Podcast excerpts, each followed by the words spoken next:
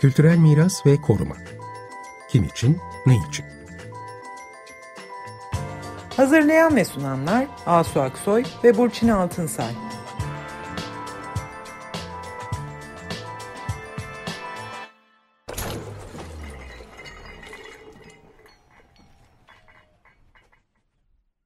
Merhaba, ben Burçin Altınsay. Merhabalar, ben Asu Aksoy. Geçtiğimiz günlerde 9-11 Eylül arasında 3 gün boyunca İzmir'de UCLG, Dünya Birleşmiş Kentler ve Yerel Yönetimler Teşkilatı'nın kültür zirvesi yapıldı. İzmir Büyükşehir Belediyesi ev sahipliği yaptı. Bu dördüncüsüydü bu kültür zirvelerinin. Ee, UCLG 2004 yılında Paris'te geçmişi 20. yüzyıl başına uzanan uluslararası belediyeler hareketinde birleştirici bir adım olarak hayata geçirilmiş. Bu İzmir'deki toplantıya Asu'da konuşmacı olarak katıldı. Ve orada iklim krizi ve kültürel miras ağının e, koordinatörü olan Andrew Potts'la da bir e, röportaj yaptı. Bugün o röportajı da sizlere yayınlayacağız. Evet Asu, e, bu UCLG'nin kültür zirvesi e, nasıl bir şey? İzmir'de neler oldu? Biraz onları sen anlatırsın bize herhalde. Evet Burçin, İzmir'de çok başarılı aslında böyle bir heyecan verici bir zirveydi. Kültür zirvesi herhalde böyle bir 150'ye yakın falan işte dünyanın çeşitli yerlerinden, şehirlerinden yerel yönetim e, belediye başkanları, kültür e, dairesi başkanları gibi böyle üst düzey yöneticiler, işte akademisyenler, uzmanlar katıldılar. UCLG sen de söyledin aslında çok önemli, çok nasıl diyelim bir sivil toplum böyle bir aşağıdan gelen bir bir uluslararası e, belediyecilik hareketi. Ta yani 20. yüzyılın başına gidiyor bu hareketin ortaya çıkışı dünyanın çeşitli yerlerinden belediyeler işte 1910 gibi böyle bir tarihlerde e, buluşmalarla işte dayanışmak, bilgi alışverişi falan. Dolayısıyla yani bu yerel yönetimlerin ki bunlar ilçeler, belediyeler, büyük şehirler, metropoller ve bölgeler olarak daha dolayısıyla e, vatandaşıyla, kentlisiyle doğrudan ilişki içinde olan yerinde ve yerelde yönetim ilkesinin hayata geçirildiği bu yerel yönetimlerin bir araya gelerek bütün dünya ölçeğinde oluşturduğu bir teşkilat bu UCLG. Şimdi bizim bir Birleşmiş Milletlerimiz var. Buraya devletler üye, devletler arası bir kurum. E, Birleşmiş Milletler. UCLG de yerel yönetimler arası bir kurum.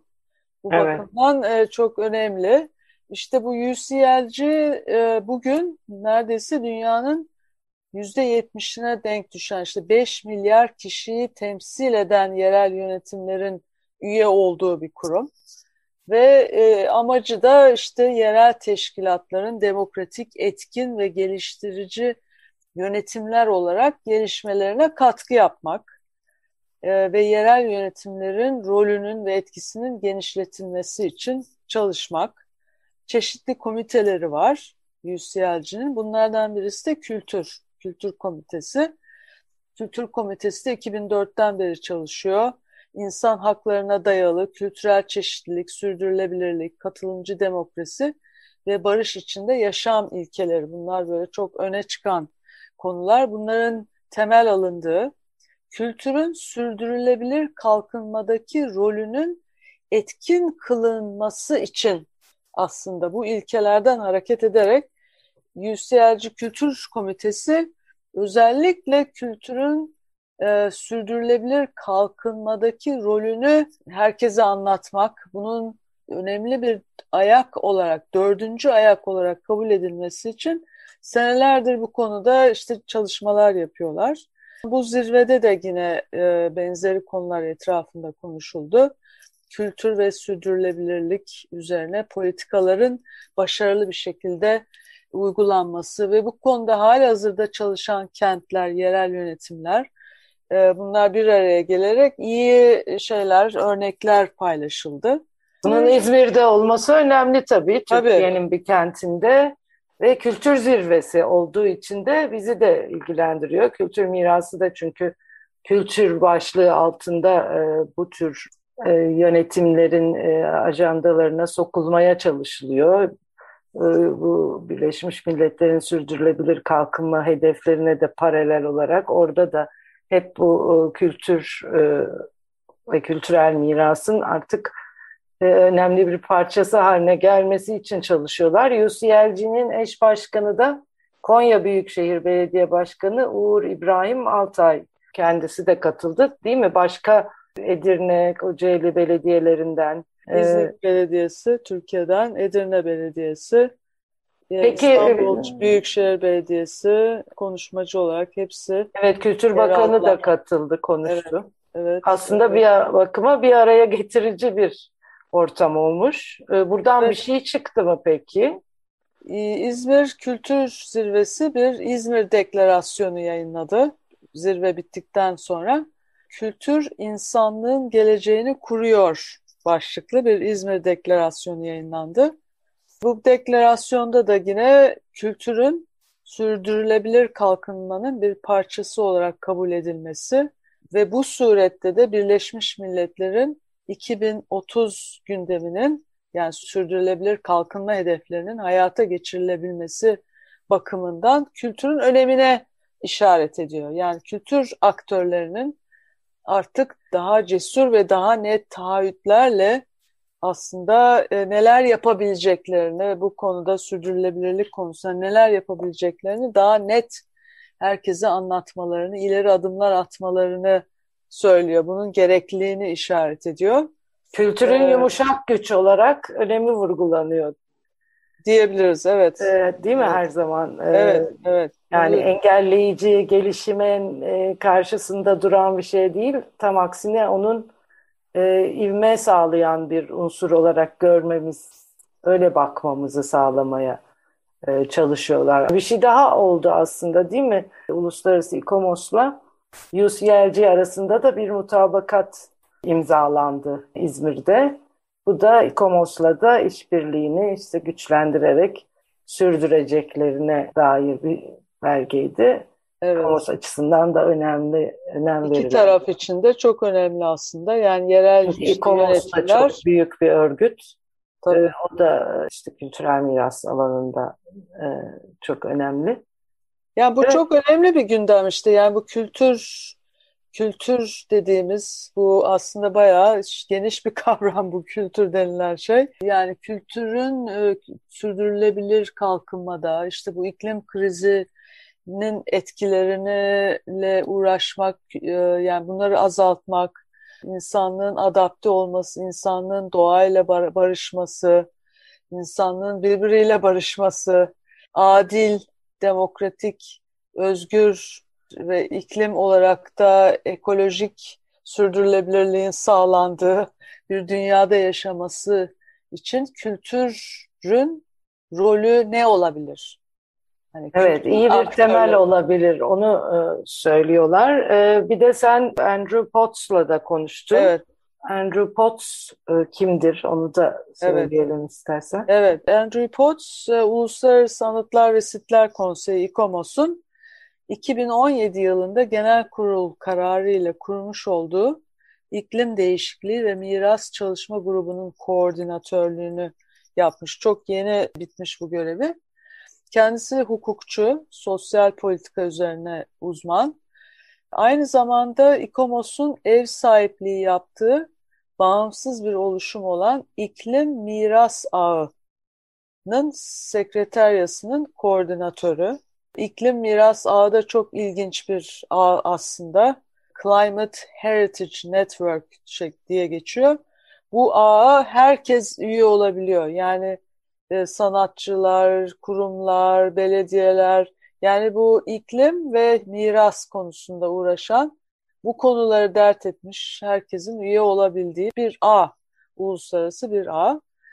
Andrew Potts, e, İKOMOS'un Kültür Mirası Hukuku Yönetimi ve Finans Uluslararası Komitesi'nin üyesi ve İKOMOS'un yine Birleşmiş Milletler Sürdürülebilir Kalkınma Hedefleri odak noktası olarak çalışmış. Andrew Potts aynı zamanda bu Europa Nostra ve İKOMOS'un e, ve e, yine e, iklim miras ağının işbirliğiyle yayınlanan Avrupa e, Kültürel Miras Yeşil Raporu e, isimli bir belge.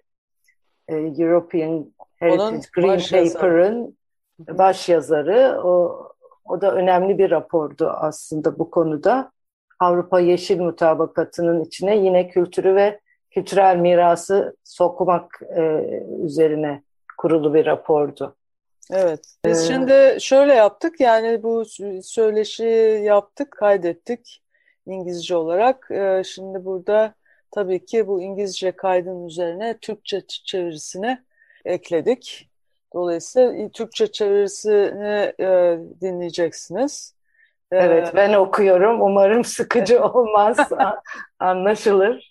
İlk sorumuzda, yani benim ona sorduğum ilk soruda işte bu 2019 yılında İKOMOS'un yayınladığı bir rapor var. Bu raporun adı da Türkçesini şey yapacak olursak geçmişimizin geleceği. Kültür mirasını iklim eyleminde e, harekete geçirmek. Bu raporun yazarı ve sorduğum soruda iklim krizine yönelik eylemlerde kültür mirası çalışmalarının nasıl bir katkısı olabilir? Bu büyük başlığı kısaca özetlerseniz çok seviniriz. Bu sorunuz için teşekkür ederim. UCLG Kültür Zirvesi vesilesiyle ilk defa İzmir'e geldim ve bundan dolayı çok mutluyum. 2017'de İKOMOS'un 3 yılda bir toplanan genel kurulu oy birliğiyle İKOMOS Teşkilatı'nın iklim değişikliği konusunda daha aktif olması için bir karar verdi. Ve o zaman bir çalışma grubu kuruldu. İklim Değişikliği ve Kültürel Miras Çalışma Grubu, iklim harekatı için bir program önerisi hazırladı. Bu grubu biz kurduk ve tam da bu sizin sorduğunuz sorunun cevabını aramak epeyce bir vaktimizi aldı. Soru şuydu, iklim aciliyeti karşısında kültürel miras alanının üstüne düşen rol nedir? Ve sonunda konunun iki yönüne odaklanmak gerektiğine karar verdik. Birinci odağımız iklim değişikliğinin kültürel miras, kültürel kaynaklar üzerinde etkileri neydi? Mesela deniz seviyesinin yükselmesi, fırtınaların artması, ısının artması gibi fiziksel etkileri nelerdi? Bunların somut ve somut olmayan kültürel kaynaklara etkileri nelerdi? Ve kültürel mirası koruma biçimlerimizi bu etkilere göre nasıl değiştirecektik? Fakat aynı zamanda bunun sorunun sadece yarısı olduğu sonucuna vardık. Sorunun diğer yarısı ise şuydu. İklim eylemini destekleme yönünde kültürel mirasın nasıl bir rolü olabilir? Ekolojik dönüşümü desteklemek bakımından, toplulukların sera gazı salınımını azaltma yönünde tavır geliştirmelerine, iklim değişikliğinin sebeplerine yanıt vermelerine destek olmak bakımından. Yani meselenin bir yarısı kültürün iklim değişikliğinin etkilerini anlamaktaki rolü, yeri, diğer yarısı da kültürün iklim değişikliğinin sebeplerine yönelik rolüydü. Ve tabii iklim değişikliğinin sebepleri sera gazı yayılımı, fosil yakıtların kullanılması, ormansızlaşma, sürdürülebilir olmayan tüketim ve üretim biçimleri. Ve biz kültürün bu denklemin her iki tarafındaki rolünü tarif etmeye çalıştık. İkinci kısmı dediğiniz aslında kavramsallaştırması gerçekten zor değil mi? Buna en azından İKOMOS üyeleri açısından bakarsak, onlar esasen kültürel yerlerin, anıtların korunması, bakımına dair işleyişlerden sorumludurlar. Bu bakımdan en çok iklim değişikliğinin bunların üzerindeki etkilerine odaklanıyorlar. Yağmur konusu mesela, oluklarımız yağmuru tutamıyor, taşıyor, aşırı ısı kerpiçin çatlamasına neden oluyor. Bunlar hemen ilk anda görülen etkiler. Tabii başka ne etkileri olabilir? Bunlar araştırılıyor. Bu nedenle sorunun ikinci kısmı üzerinde çok fazla öncelikle düşünecek zamanları olmadı. Fakat bu konuya da yoğunlaştık ve bu yolda da epeyce eylem ve çözümler oluşmaya başladı. Tabii bina sektöründe yani binalar söz konusu olduğunda kültürel mirasın bina yapım tekniklerinde karbonsuzlaşma yönünde çok çeşitli biçimlerde katkısı olacağı gayet açıktır. Hemen görünen katkısı yeni bina yapmak yerine mevcut yapıların yeniden kullanımından yana olmak gibi mesela. Çünkü bu yaklaşım sera gazları salınımını azaltacaktır. Biz mevcut yapıların yeni kullanımlara uyarlanmasını kolaylaştırmalıyız. Ve biz bu yeni kullanımlara uyarlama meselesinde proaktif biçimde çözümün bir parçası olmalıyız. O yapılar biz olsak da olmasak da kullanılacaktır bir şekilde. Ama biz de çözümün parçası olursak, tarihi yapılar yeniden kullanılırken kültürel değerlerinin de korunmasını gözetmiş olacağız. Ve yine ikinci bir nokta eski yapıların enerji efektif bir şekilde tesisat ve altyapılarının yeniden kurulması. Pek çok eski yapı zaten enerji sakınımlı biçimde yapılmışlardır. Yapım teknikleri içinde sürdürülebilir sistemleri barındırırlar. Ama bazen bunların düzgün kullanılmadığı olur. Öte yandan eski yapıların bazı nitelikleri de enerji efektif değildir ve bu konuya da yönelmek gerekir. İşte bu bakımlardan katkımız olabilir. Ama bunlardan başka sektörlere de katkılarımız olabilir. Mesela tarım sektöründe biz geleneksel tarım bilgisini, yöntemlerini tanıtabilir, bunları savunabiliriz. Bunlar çünkü çiftçilikte düşük karbon salınımlı çözümlerdir. Yani agroekoloji prensipleri denilen konu.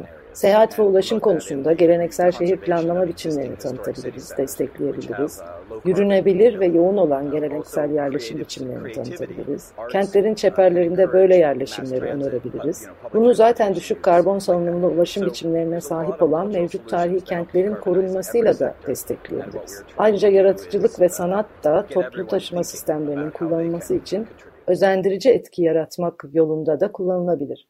Yani bütün sektörleri karbonsuzlaştırma amacıyla kültürel çözümler üretmeleri için teşvik etmek, yol göstermek. Bizim yapmaya çalıştığımızda herkesin kendilerinin de nasıl katkıda bulunacaklarını düşünmeye başlamalarını sağlamak. Sizin koordinatörü olduğunuz iklim miras ağı nedir? Bu konuda bize biraz daha bilgi verebilir misiniz? Ee, e, kimler üye olabiliyor? Misyonu nedir? İKOMOS'la ilişkisi nedir? Um, Tekrar teşekkürler sorunuz için. İKOMOS perspektifinden benim söyleyeceğim şudur. Biz İKOMOS olarak iklim değişikliği ve miras çalışma grubunu başlattığımız zaman bizde en çok hayal kırıklığı yaratan şey şuydu. İklim konusunda çevre bakanlıkları, iklim bakanlıkları, iklim ile uğraşan STK'lar tarafından üretilen politikalarda, iklim çerçeve planlarında, eylem planlarında kültür tamamen göz ardı ediliyordu. Bu konuda tamamen sessizliği İklim değişikliği ve iklim eylemliliğinin kültürel boyutlarına hiç değinilmiyordu. Bu bizim işimizi zorlaştırdı tabii. Çünkü biz burada bu iklim hareketinin içine nasıl dahil olacağımızı düşünürken, iklim hareketinin kendisinin bize bir önerisi, teklifi yoktu. Kültüre yer açmıyordu. Böyle bir davet yoktu. Böylelikle anladık ki kültür sektörünün ve kültürel miras camiasının bizzat sektörel olarak bu konuya iklim planlamasına çok daha fazla angaja olması gerekiyor. Yani bu iklim planlama toplantılarına gidiyorsunuz. Ee, ulaşım sektöründen, tarım sektöründen, enerji sektöründen, inşaat sektöründen temsilciler hep var. Kültür alanından, sanat alanından, kültürel miras alanından kimseler yoktu. Biz bu bağlantıları kurmaya başlamak istiyorduk. Buradan İKOMOS'un tek başına yapamayacağı çok büyük bir iş olduğunu anladık. Tek bir organizasyonun altından kalkabileceği bir iş değildi. Aynı zamanda bütün kültür ve sanat camiasını da, performans sanatlarını, belge mirasını, arşivleri de bu işe ortak etmek gerekiyordu. Sadece kültürel miras değil, bütün sanat ve kültür alanı. Ve diğer organizasyonlarla konuşmaya başladık, kurumlarla. Mesela Uluslararası Kütüphaneciler Federasyonu'yla, Uluslararası Peyzaj Tasarımcıları Birliği'yle, Uluslararası Arşivler Konseyi ile, Amerikan Müzeler Birliği ile ve evet Uluslararası Müzik Konseyi ile de bağlantı kurduk. Peki onların fikri neydi?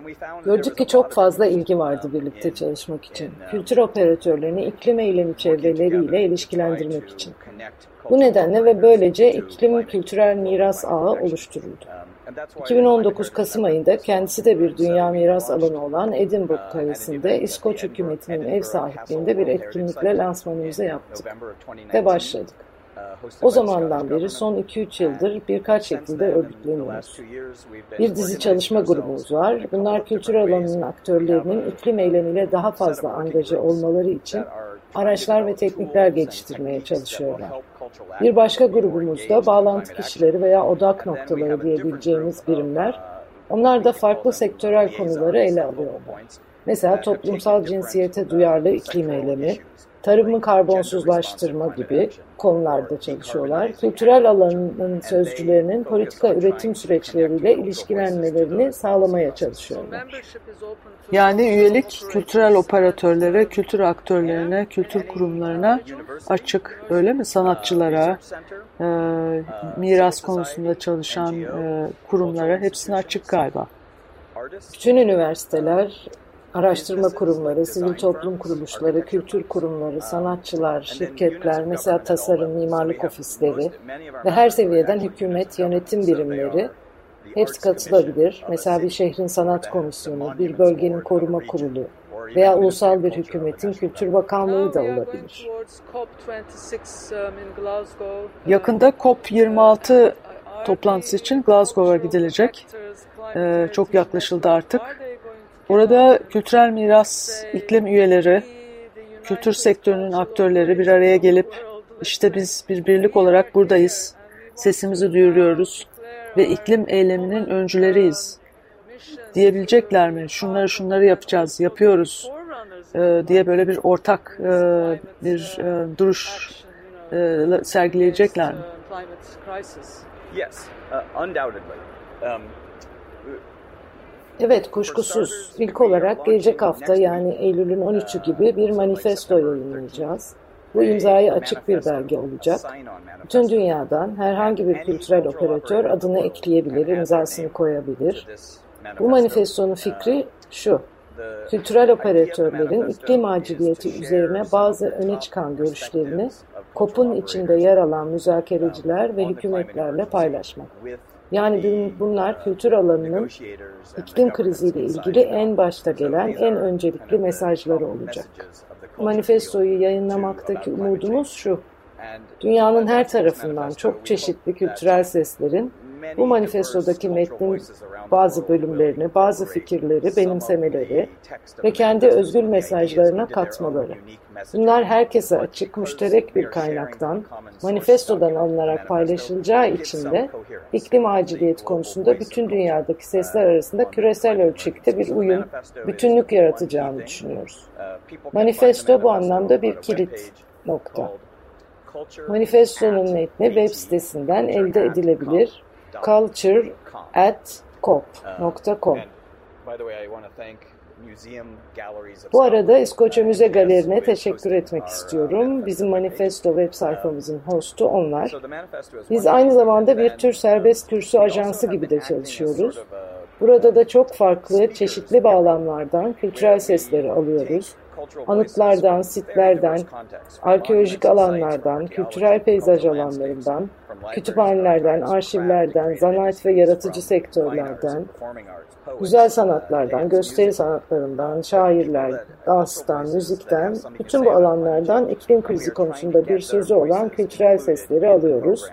Bu sesleri KOP'un içindeki programlara dahil etmek istiyoruz resmi üst seviyeden hükümet programlarına ve aynı zamanda yan etkinliklere de.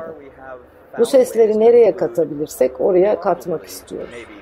Belki 50-60 kadar değişik konuşmacı farklı etkinliklere katmanın yollarını bulduk. Birleşik Krallık pavyonunda, Avrupa Birliği pavyonunda etkinliklere kattık. Şimdi Kuzey ülkeleri pavyonlarındaki etkinlikler için çalışıyoruz. Mavi bölgede, Yeşil bölgede, Birleşmiş Milletler Ajansı bölgesinde çünkü bu sesler hep oralarda eksikti. Türkiye'de de kültür operatörleri, e, kültür mirası ile ilgili çalışan e, kurumlar, uzmanlar iklim kriziyle ilgili e, giderek daha fazla gündemi takip etmeye başladılar. Uluslararası gündemi takip etmeye başladılar. Ve kültür ve kültür mirası aktörleri ee, bu bahsettiğiniz manifestoyu da bekliyor olacaklar ve bundan sonraki özellikle COP26 sürecinde ki gelişmelere e, dahil olmaya çalışacaklar Bu konuda Türkiye'deki meslektaşlarımızla konuşmak benim özellikle istediğim bir şey. İklim aciliyeti konusuna kültürel boyutu katma meselesinin en çok ilgi çektiği yerlerden biri de G20 ülkelerinin kültür bakanlıklarından oluşan organizasyon. G20 ülkeleri el birliğiyle sera gazı salınımlarının %80'inden sorumlular. Yani iklim krizinin sorumluları G20 ülkeleri. Ve onlar iklim eyleminin öncüleri olmak durumundalar. Ve Türkiye'de tabii G20 üyesi. Gerçi karbon ayak izi en büyük ülke değil. O ülkeler Çin ve ABD. Ama yine de G20 üyesi G20 ülkeleri kültür bakanlıkları iklim eylemini ilerletmeye adanmış olduklarını ve ülkelerinin ulusal iklim planlamalarına kültürü de katacaklarını deklare ettiler. Bu nedenle Türkiye'de de sivil toplumun, üniversitelerin, kültür operatörlerinin bunu gerçek kılmaya niyetlerini, buna destek olabileceklerini görmek benim için çok önemli. Çünkü G20 ülkeleri bunu vaat ettiler. Evet, Andrew Potts'la e, söyleşi e, böyleydi. İyi akşamlar diliyoruz. Diliyoruz. Evet, zamanımızı doldurduk. İyi akşamlar. Kültürel miras ve koruma. Kim için, ne için? Hazırlayan ve sunanlar Asu Aksoy ve Burçin Altınsay.